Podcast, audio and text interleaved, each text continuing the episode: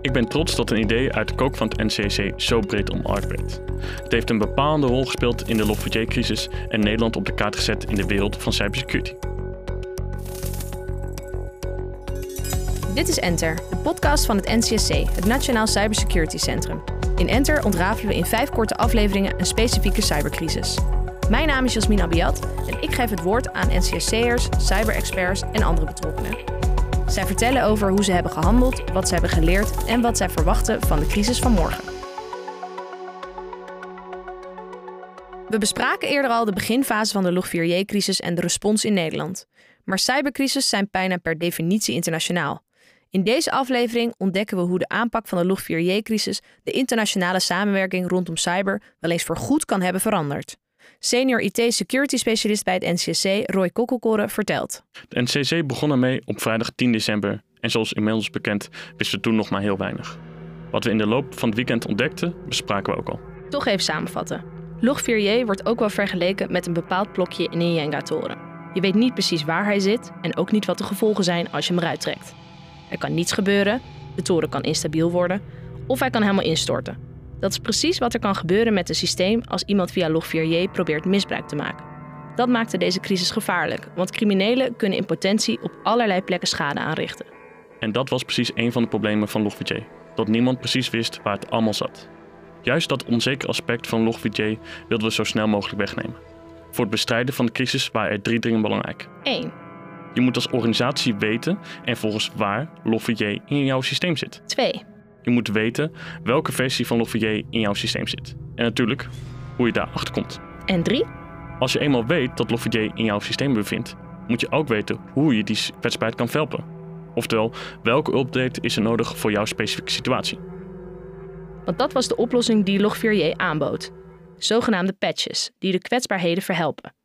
Doordat de oorspronkelijke vinder van de kwetsbaarheid zich bij Log4j had gemeld, hadden zij voordat het wereldkundig werd gemaakt kunnen starten met het ontwikkelen van patches, de updates die organisaties zelf moeten uitvoeren. Het NCSC nam een belangrijke rol op zich in dit proces. Wij zijn ons echt gaan richten op het samenbrengen van informatie. Informatie waarvan we wisten dat we die nooit in ons eentje konden verzamelen. Daarom stelde ik voor een GitHub te starten.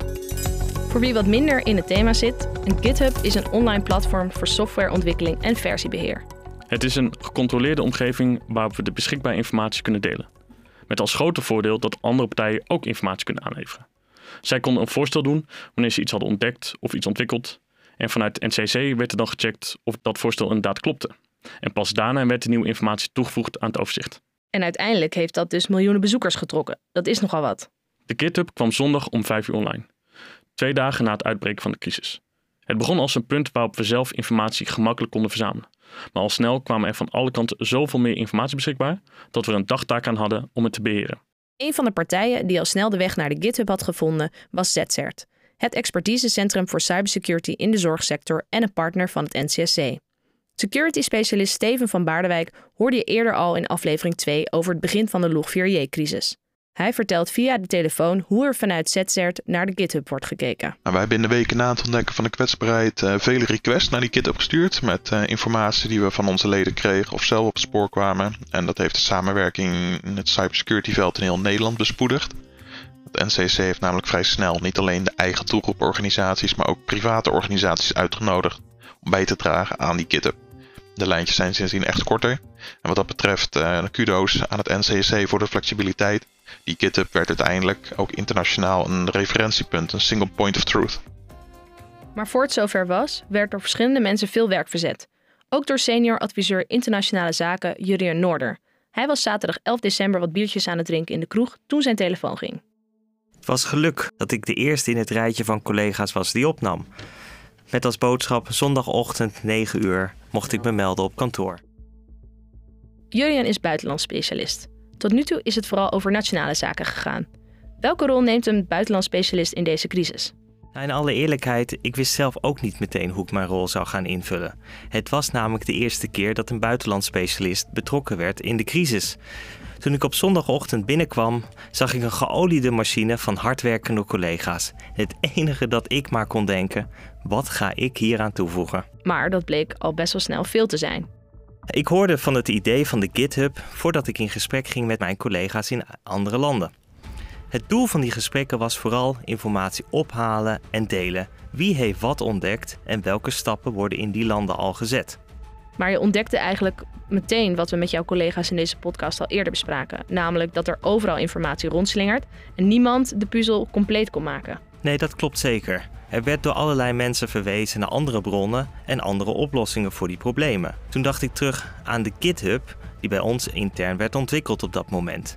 Bij mijn directe collega's, eh, counterparts in Finland, Slovenië en Duitsland, checkte ik dit idee. Maar Jurjen merkte ook iets anders op. Nederland liep samen met Duitsland, Finland en Slovenië echt op de troepen vooruit, terwijl andere EU-landen en Amerika nog niet waren opgeschaald. En van die drie landen waren mijn Finse en Sloveense collega's eigenlijk vooral op hun eigen houtje bezig. De Duitsers die waren wel, net als wij, opgeschaald in een calamiteitenstructuur. En Duitsland speelde ook een belangrijke rol in het verhaal van de GitHub. Dat klopt zeker, ja. Duitsland schaarde zich namelijk al in de loop van zondag achter het idee van een gezamenlijke GitHub. Dit deden zij op een best wel behoorlijk aparte manier. De GitHub kwam namelijk pas op zondag om 5 uur online, maar de Duitsers communiceerden al naar hun doelgroepen om 3 uur s middags. In die communicatie naar hun doelgroepen verwezen ze naar een webpagina die op dat moment niet bestond. Dit leidde tot een sneeuwbaleffect uh, en we werden steeds beter door steeds meer mensen gevonden. En kregen ook van deze mensen en organisaties de vraag of zij konden bijdragen aan de GitHub. En zo veranderen een simpele oplossing voor nationaal gebruik in een paar dagen in een wereldwijd bekend forum om de grootste cybersecurity crisis van dat moment op te lossen. Dat was heel gaaf. Zoals gezegd was Slovenië een van de andere landen die al vanaf dag 1 een actieve rol speelde. Voortrekker van de Slovenen was Gorast Bojžić. Hij werkt bij de Sloveense variant van het NCSC, CSERT. Hij stond veel in contact met Jurjen en blikt graag terug op de beginfase, hoe hij met bewondering naar de Nederlandse proactieve houding keek en natuurlijk de GitHub. Eerst vertelt hij over de impact die de Log4j-crisis in Slovenië heeft gehad. The Slovenian nationalist CERT uh, is by law and information security responsible for all the operators of essential services in Slovenia. So that is our primary responsibility. What we do is uh, when there's a vulnerability, of course, we publish uh, an announcement detailing uh, what the vulnerability is about, uh, how to mitigate or solve uh, the problem. We have also notified all the operators of essential services in Slovenia about the problem and that the Log4j library is actually included in many uh, open source and commercial products. I think we can.